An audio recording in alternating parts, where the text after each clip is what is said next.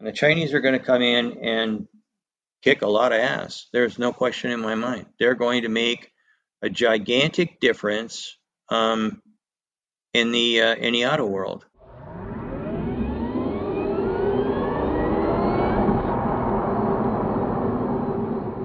Velkommen til Elbil teknisk sett, en elbilpodkast fra Teknisk Ukeblad. Jeg heter Marius Valle, og med meg har jeg min gode kollega Mathias Klingenberg. Hei, Marius. Hei. Hei. Du, Mathias, i dag så fortsetter vi rett og slett der vi slapp forrige uke. Vi har jo intervjua Sandy Monroe om eh, Tesla forrige uke. Denne uka snakker vi mer generelt om eh, elektrifiseringen i bilindustrien. Nettopp. Han har jo mye på hjertet og er en interessant person å høre fra. Skal vi eh, rett og slett bare hoppe i det? Det gjør vi. So, in, uh, in today's EV market, there are uh, quite a lot of players. Uh, not only Tesla, but of course uh, Hyundai, Kia, uh, and uh, of course Ford has come out with Mustang Mach-E and yeah, uh, how uh, and of course Volkswagen Yeah. also uh, putting a lot of dollars on uh, EV manufacturing. How would you, if uh, Tesla's in the lead, how would you range uh, uh, the other? Well, Tesla's in the lead, but um, we keep forgetting something. Um, the Chinese have been doing this a lot longer than anybody in the United States or Europe, and uh, so uh, you should be talking more about BYD. I don't hear anything about them. I don't hear anything about Geely. Um, I don't hear anything about Shanghai Automotive. I don't hear anything about Beijing Automotive. Uh, I think that people are missing the boat. This is exactly what the Chinese are hoping for because, as you probably heard, Volvo is now slipping in. Yeah, who owns Volvo? Oh, yeah, Geely. Hmm. Where did that design come from? Oh, yeah, Geely. I mean, really and truly, and we're talking about, you know, GM or Volkswagen. These guys are scrambling big time. They made a big giant mistake. You know, when I when I when I analyzed the BMW i3 when it first came out, and I I said I made a lot of comments. In fact, um, there's a guy named Florian that just uh, just he just sent me a little note saying, "Hey, remember me?" And I did because he was the first one to say things that I said in inside. I said, "Hey, you know what? I think that uh, I think that the tide is turning." And that was in 2015. Hmm. 2015. What? And nobody did anything? And then in 2018, yeah, I told everybody the gaps were bad. Everybody tuned into that. And then I said, hey, you know what? this these guys are really this is really not uh, a Model S or a Model X. I'd seen those, and I really didn't give a damn. I didn't. e- In fact, I told my customers, don't waste your money. I'm not going to steal your money. You don't want to analyze anything here. There's nothing to look at. The Model 3 was a big wake up call. Everybody knew about that in March of 2018. I mean, that's when the reports started coming out. And they did nothing. Hmm. Mm, that was a very bad mistake. I think there were a lot of executives, either they got a lot of bad information or they were sleeping at the switch.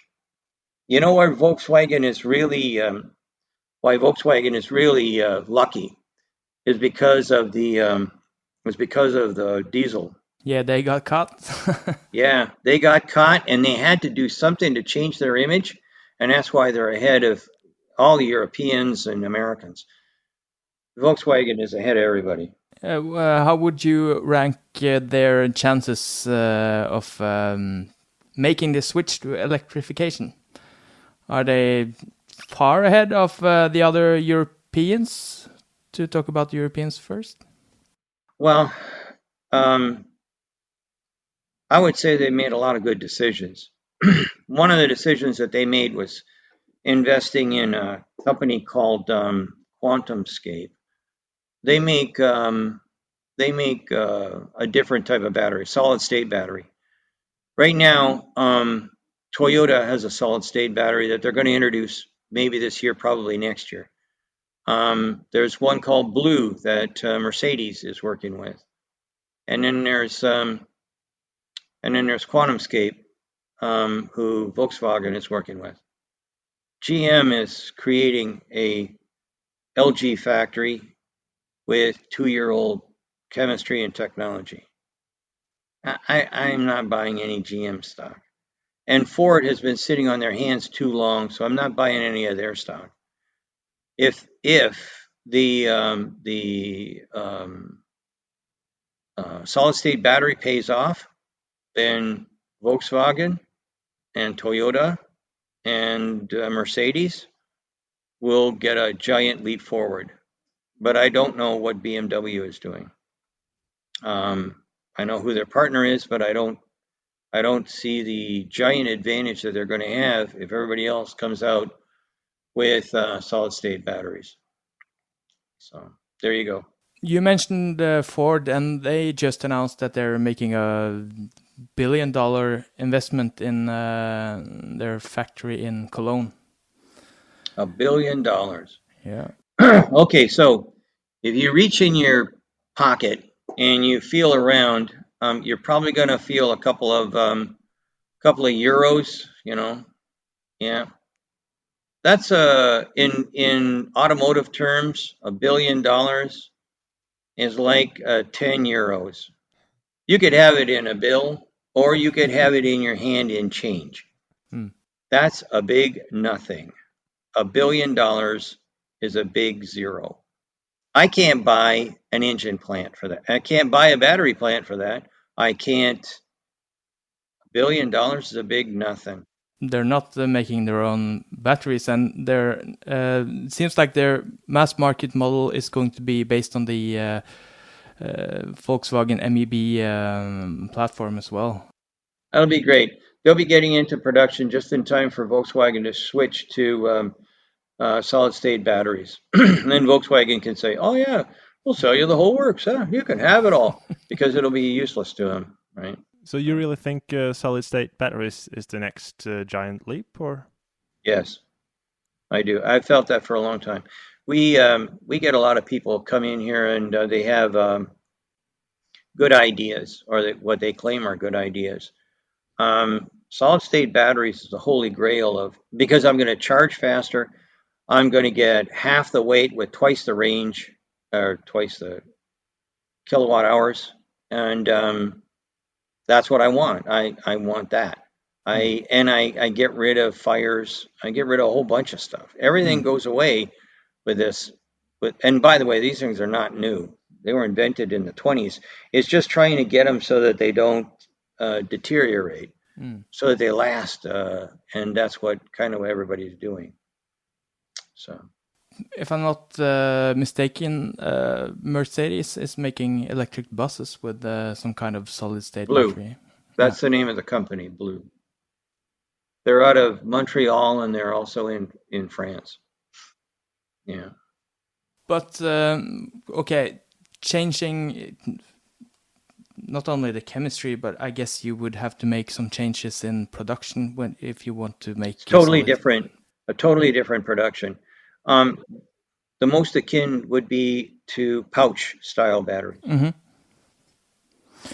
But there's uh, a lot of uh, incremental uh, development in lithium ion batteries, and now it seems that everyone is going for. I know the cells are the same, but going for 800 volt uh, architecture uh, and you know can charge the cars for with like 300 350 kilowatt uh, you get some of the um, things that you're that you want with regards to charging speeds for example. So if i had a solid state battery i can charge it in one tenth the amount of time of um, any kind of other charging system for uh, a lithium ion battery. And i don't care whether it's pouch prismatic or cylindrical um, you cannot, you, I mean, a solid state battery is very close to a capacitor uh, as far as charging is concerned. So a capacitor is basically, um, you can charge that with a lightning bolt. It would fill up, but then it would discharge at the same rate. So the for me, the solid state battery is the way to go. Um, I can charge it quickly. It doesn't weigh as much. It doesn't take up as much space. It gives me twice the um, twice the um, uh, power for the size of the uh, for the size of the that it's that's occupying. Everything about it is better. And like I say, lots of people have been trying. We've had tons of people come in here with their invention, and we've thrown all of them out except for two, and I already mentioned them. So, so I think that uh, the, that's the way to go. And Volkswagen and Mercedes both, are Daimler, uh, both of them are on that track. So batteries uh, are of course a big deal uh, if you want to make uh, EVs, but the other thing uh, we talked about it uh, when we discussed Tesla is software, Yeah. and it seems that a lot of the um, traditional OEMs, at least, have some issues or problems with uh, making software. Just look at Volkswagen and and their progress with the Yeah. ID cars why is this such a struggle for them, Volkswagen and, and the other OEMs? They have a standards book, and the standards book was written 20 years ago, and that means that um, there's no innovation whatsoever left. So here's something that I found really astounding. The um, ADAS system, this, and I think it's a level five, but they they're claiming it's a level four and a half. The full self-driving beta system that I that I I got a chance to see. I was in the car. They wouldn't let me touch the steering wheel. Well, you don't touch the steering wheel. You didn't touch anything. Mhm. And uh, what I saw was level four, um, level four, maybe four and a half. When we got to the parking lot uh, and started driving around, and there's no lines, and he's he points to where he wants to go, and yet it it follows a path. Oh, that's not level four. That's level five. You have to be able to make it work in a desert, and that's level five. So I think that uh, that that that stuff's brilliant. So I asked Elon Musk, how many lines of code in that? He said a hundred thousand. I about peed my pants. Hmm. A hundred thousand. I have a hundred thousand lines of code in our design profit software. Hmm. How do you, how do you do the magic that they're doing with a hundred thousand lines of code? And yet you talk to the other guys, you talk to other companies, and they're talking like hundreds of millions of lines of code. That's because they're using old-fashioned systems. They're doing it the old-fashioned way because they got a standards book. As soon as you got a standards book, you're screwed. And they try and outsource as much as they can. And how do the guys in India that write code, how do they get paid? They get paid by lines of code. I mean, why don't you just paint a target on your head and right here, right? Mm. Give it to me right here. It's just, it's stupid. But that's the way it is right now. That's what happens when you go to COTS. If you don't do that stuff in house, you're uh, out of coffee. If you don't do the stuff in house, you you you wind up at the mercy of job shops and things like that. So let me ask you this: Is uh, um, buying into or going to Google to get their um, Android Automotive OS is that COTS? Is that a good move on uh, Volvo, Polestar, and I guess was it Ford that's going to adapt this? Um, I don't know. I, I kind of like lose uh, lose interest as soon as somebody says that they're going to get it for free or get it from somebody else. It just tells me they're lazy. They're or they're too dumb to do it themselves. I don't know which, but there's no. Uh, I don't. I don't see the inventiveness there.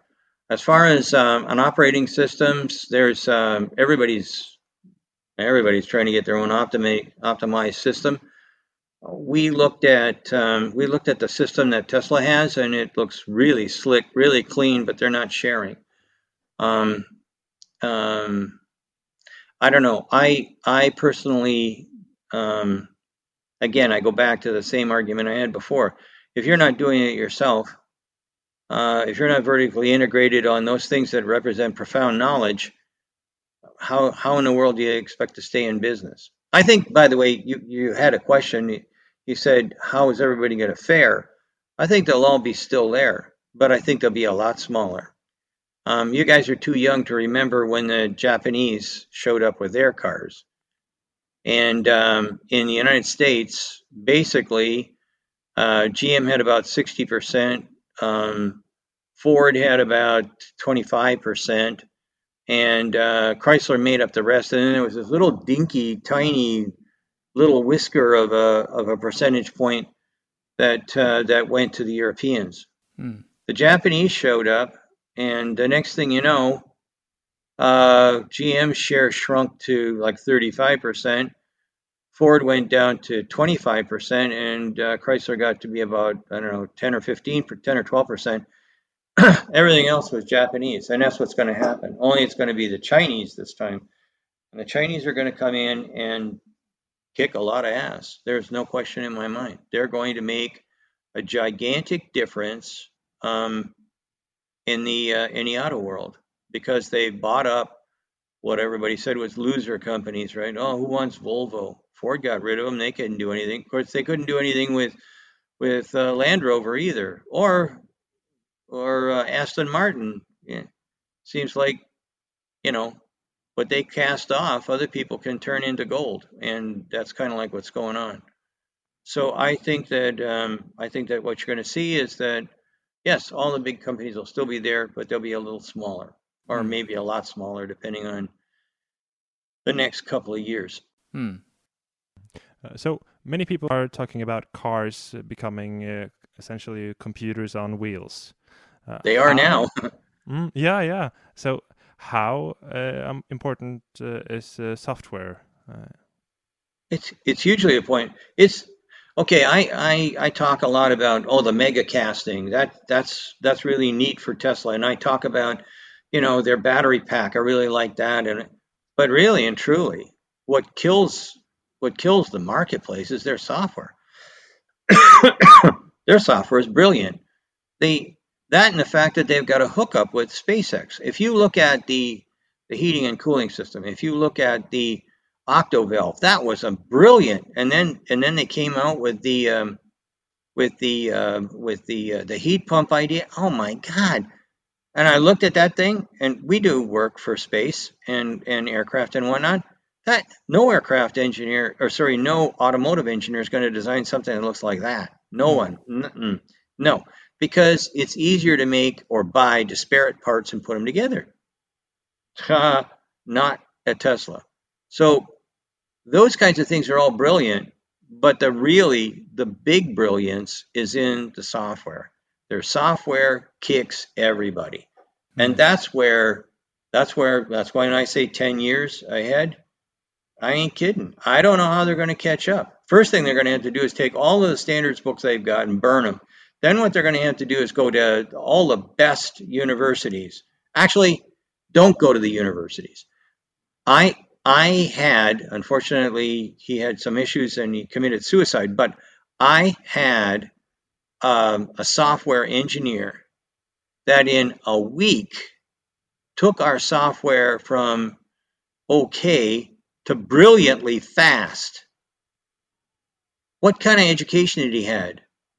None. He didn't even get out of high school. What did he do before he came to us? He wrote video games. This guy this guy was a wizard. Hmm.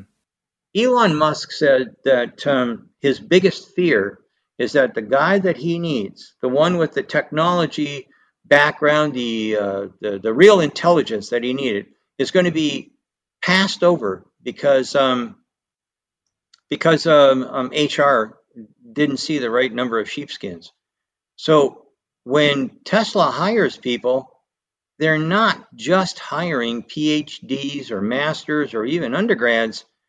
They're hiring people with a talent and a skill set uh, that they need. And by the way, that guy, he came in at dirt a dirt rate because oh, we'll give him a chance, but I know I'm not putting out too much hope.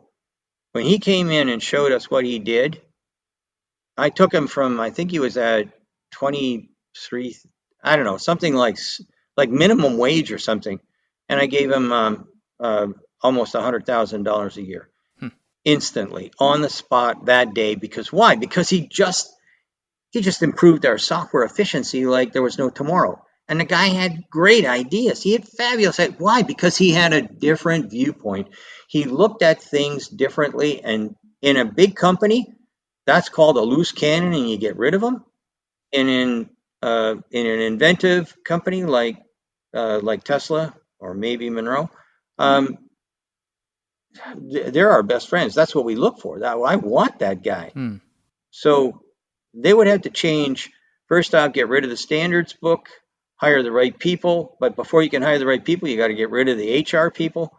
Man, it's going to be a big problem for. Um, it's going to be a real big problem for uh, uh, the the OEMs. This is going against the grain on everything. What do you mean we're going to get rid of suppliers? What do you mean we're going to do this thing vertically integrated?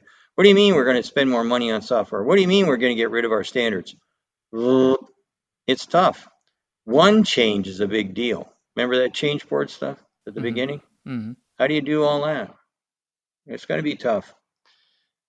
Really tough. Mm. yeah. With uh, that in mind, what uh, car manufacturers uh, will survive the electrification and uh, what car manufacturers will essentially go bankrupt? Bankrupt? Hmm.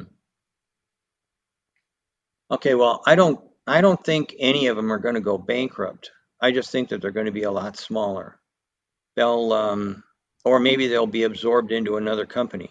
Mm. Um, you know, like Chrysler was absorbed into um, into uh, Fiat, and before that, into uh, um, Daimler. Um, so some some people will have that happen, um, but I don't think it'll disappear, as it were. Maybe some badges or something, but I don't think they'll disappear. But the guys that I think have got the best uh, opportunities, um, apart from the Chinese who are going to really kick some serious butt, um, I think that uh, Volkswagen. I've said this a bunch of times. I think Volkswagen is going to um, is going to be in good shape. I think that uh, Daimler, because they've got they've got their fingers into um, um, into the uh, um, what do you call it uh, solid state battery stuff. Mhm. I think they'll do okay. Um, and there and and but quite frankly, I, I heard something about Daimler saying that oh we're gonna we're gonna do something different and, and take a hiatus and we know we're gonna be losing market share. That sounded like Ford. Ford said that kind of stuff too. That's not a good thing to tell your shareholders because you're going to need investment and um, and they've got really nothing else to to peddle.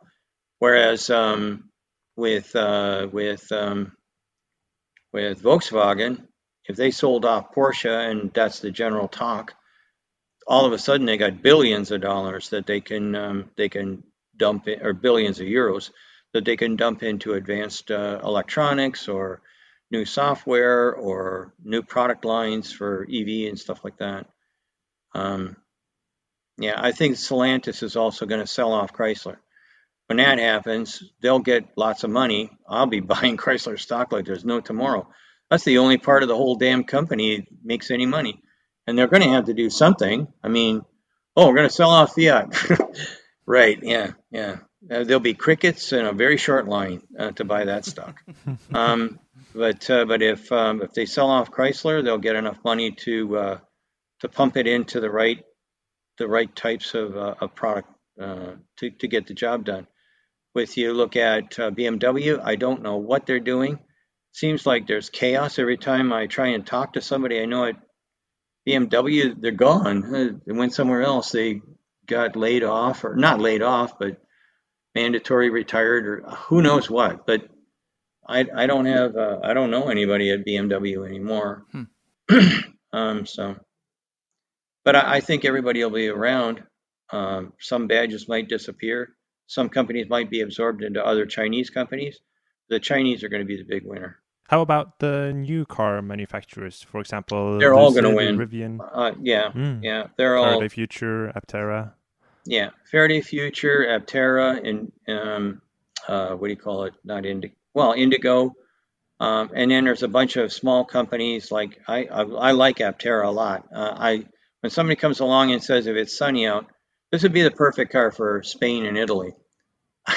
if I was uh, if I was um, PSA, I, I'd, uh, I'd, I'd snap them up in a heartbeat. Um, because if it's sunny, you, you don't, you don't go near a, you don't go near a charging station, a thousand miles. And, and, uh, they've already proven it to me. So I'm, and uh, by the way, I am a sh- shareholder. I should Mhm. tell you that. Mhm. Um, when I went down and looked, I've seen lots and lots of different car companies, and um, and I'm a shareholder in that one, and um, and also in uh, Nobe, um, up in Estonia. Uh, and they're both three-wheel vehicles. And everybody says, "Oh, three wheels are bad." Baloney. That's not true. Three wheels are bad if you if you if you look back at one of those old English car. What was it? The Robin or something like Yeah. that. That's that's a bad car. But you know what? If you have a three-wheel vehicle and you put um, an air or electronic suspension system on it, and you you uh, go into a curve and it has anti-roll control, it ain't going anywhere. It'll be glued to the road. I mean, three's a plane. That's one of those one of those engineering things. Engineers keep forgetting that things fall over if it's two, but it's three. And remember, remember, remember the Segway? Yeah. Oh my gosh, how are they doing that? Those chips are commonplace. Hmm.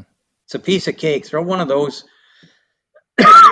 There's nothing wrong with a three wheel car. And guess what? That's the Henry Ford kind of car. I don't have as many regulations on that three wheel vehicle. So that means I don't have to add a whole bunch of stuff that costs a lot of money but doesn't do anything for me. And guess what? I just got rid of a corner. And if I get rid of a corner, that's about 10 grand. Hmm. Whether it's a euro or whether it's a whether it's a dollar or a pound, it's 10 grand gone. All of a sudden, I've just hit the mass market. That's why I'm investing. I mean, it's just this is as plain as a nose on your face. Not everybody's going to buy a $45,000 car. And when Tesla says they're going to come up with a $25,000 car, yeah, there'll be a plain Jane that you can buy for 25,000 that they'll never ever make. if you want to get a car, then you're going to be paying 45, 50 grand. But if it's a three-wheel car and it doesn't have to have all this razzle dazzle in it, guess what? The average person can afford to buy it. And all these guys are doing the same thing. They're all making it so that eventually it can be a driverless Uber. Hmm. And uh, to me, there's so many business opportunities with that kind of a business model. I, I can't even imagine. I can't. So, um, but let's talk about the big guys. Okay, so Rivian, I'm they've got they've got a market, and it'll. One of my guys has already got two. He's going to be buying two of those things. Really? Um, um, I uh, I've said before I'm going to get a Cybertruck for sure. I'm, I'm walking away from a Jeep, and I've been driving those for 50 years. so you look at um, you look at um, uh, Faraday Future and um, what's the other one? Uh, the other luxury car I can't think of right now. It starts with an I. Lucid or Lucid, sorry. Yeah, I keep thinking I, but it's an L. Yeah, Lucid, those guys, they'll do just fine. Um, and in uh, you got a myriad of other um, other car and truck com- companies that have a niche market that's going to do remarkably well. Hmm. Um, some of them, I I'm not sure how long they'll last. some of them I think will be absorbed because even though they may not be good, they're better than than what some of the OEMs have. And so I think that they'll be absorbed. Some badges, uh, maybe in that, com- maybe like like GM, some some badges will disappear in favor of bringing on something that they purchased to because they're good at that, right? COTS, commercial off the shelf.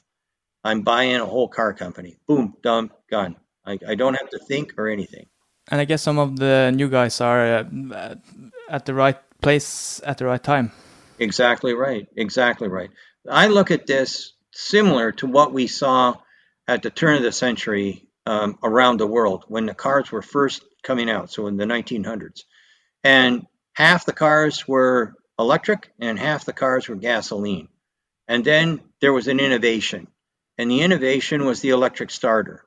And as soon as the electric starter happened, guess what? Nobody wanted an electric car. Nobody. Why?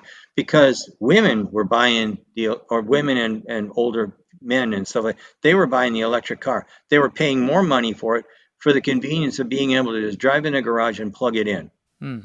And the next morning it'd be good for going around town. That would be about it. But you're not going to go on a big trip. When the electric starter showed up, why would I even think about having an electric car? Gone. How long did it take before they were 50 50 to no electric vehicles? Eight years. Hmm. Eight years. So, my new prediction I don't know if you've seen it, but um, I got, when I brought out the, uh, you know, the t- tipping point is going to be 20, 2030 Mhm. between ICE and EVs. Oh my God, you're an idiot. Yeah, Sandy's been smoking dope, all this other stuff. Now I'm saying 2028, and everybody's, well, you know, I was going to say that too. Uh-huh. It's the at the end of the day, the guys who are making most of these predictions, I have no clue where they're pulling their numbers from or where they're getting their information from. But they're they're they're so far off. It isn't even funny. I, I mean, I, I really, I really, I don't know. Maybe they're being paid by uh, by big companies to to make these uh, these uh, these uh, uh, to pontificate. I, I don't guess that's what it is. Hmm. But for me, I want to see the real. I want to see the real stuff. So we take the car apart, we look at it, we test it, we do everything we do, and then, it's like I said, one guy's bought two of the Rivian products. I'm buying a, a Cybertruck. So is one. There's two other guys in here that are getting a Cybertruck. Um, I've got two or three guys that are getting uh, Tesla vehicles or have Tesla vehicles. A couple more that are thinking about it. I mean, I'm an engine engineer. I don't know if you knew that. That's my job, and I, I've walked away from it. I, I guess that's kind of a testimonial. Thank you Yeah. so much for taking the time. We, we're very much, uh, we're so appreciative of you taking the time uh, for us. And uh, I think we could have listened to you for hours. Not my wife. She can't listen to me for 10 minutes. Det var Sandy Munro og denne ukens utgave av Elbil teknisk sett. Vi er tilbake neste uke. Takk for at du hørte på, så på, eller begge deler. Ha det bra! Ha det fint.